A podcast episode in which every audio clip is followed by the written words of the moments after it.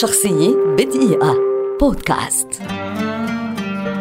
فالنتينا تريشكوفا. مهندسة ورائدة فضاء روسية ولدت عام 1937 وتعد أول وأصغر امرأة تصعد إلى الفضاء إذ أنجزت مهمة منفردة في فاستوك 6 في السادس عشر من حزيران يونيو عام 1963 حين دارت حول الأرض 48 مرة ناهيك عن كونها الشخص الوحيد وقتها الذي يقود سفينته بنفسه وقضت ما يقارب ثلاثة أيام في الفضاء ولا تزال إلى الآن المرأة الوحيدة التي كانت في مهمة فضاء منفردة.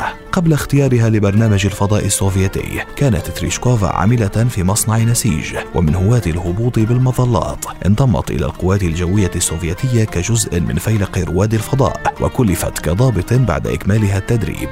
بعد تفكك المجموعة الأولى من مجموعة رائدات الفضاء عام 1969 بقيت تريشكوفا في برنامج الفضاء كمدربة لرواد الفضاء. تخرجت لاحقا من الأكاديمية العسكرية لمهندسي القوات الجوية وأعيد تأهيلها لرحلات الفضاء لكنها لم تذهب مرة أخرى وتقاعدت عام 1997 وحصلت على رتبة لواء. تولت تريشكوفا مناصب هامة مختلفة بما فيها عضوية رئاسة مجلس السوفيات الأعلى من عام 1974 إلى 1989 وظلت ناشطة سياسيا بعد تفكك الاتحاد السوفيتي لكنها خسرت انتخابات مجلس الدوما الوطني أي مجلس النواب في الجمعيات الاتحادية الروسية مرتين عام 1995 و2003 لكنها انتخبت لاحقا في برلمان ياروسلاف الأوبلاست الإقليمي عام 2008 وانتخبت لعضوية مجلس الدوما الوطني عام 2011 وأعيد انتخابها عام 2016 حصلت تريشكوفا حتى اليوم على 12 وساما منها وسام بطل الاتحاد السوفيتي وأوسمة من تشيكوسلوفاكيا فيتنام منغوليا وغيرها كما حصلت على عدد من الجوائز العالمية المرموقة إنها واحدة من النساء اللواتي غيرن وجه التاريخ.